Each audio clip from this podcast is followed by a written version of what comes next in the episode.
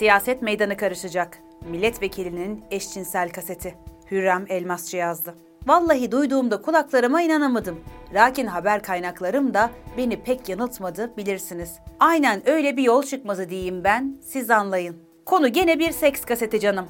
Üstelik muhafazakar bir partiyle alakalı konu. Hem de partinin çok üst düzeydeki bir yöneticisinin eşcinsel kaseti gene çok ünlü bir gazetenin elinde. Bu gazetenin de patronları filan değişti. Neyse, çok detaya girmeyeyim şimdi. Sabahlara kadar tartışıp durulmuş o gece. Yayınlasak mı, yayınlamasak mı? Daha karar verilmedi dendi. Ne kadar önemli bir isim olduğunu buradan anlayınız. O kadar diyorum. Dengeleri alt üst edecek kadar hem de.